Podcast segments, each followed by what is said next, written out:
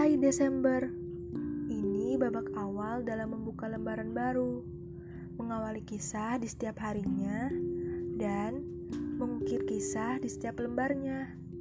Sebenarnya sedih sih, karena di bulan Desember ini kenanganku bersama mereka akan berakhir. Aku harap perpisahan ini menjadi kenangan manis yang takkan pernah terlupakan. Pesanku untuk kalian, semangat terus dalam menggapai mimpi. Semoga kita dipertemukan.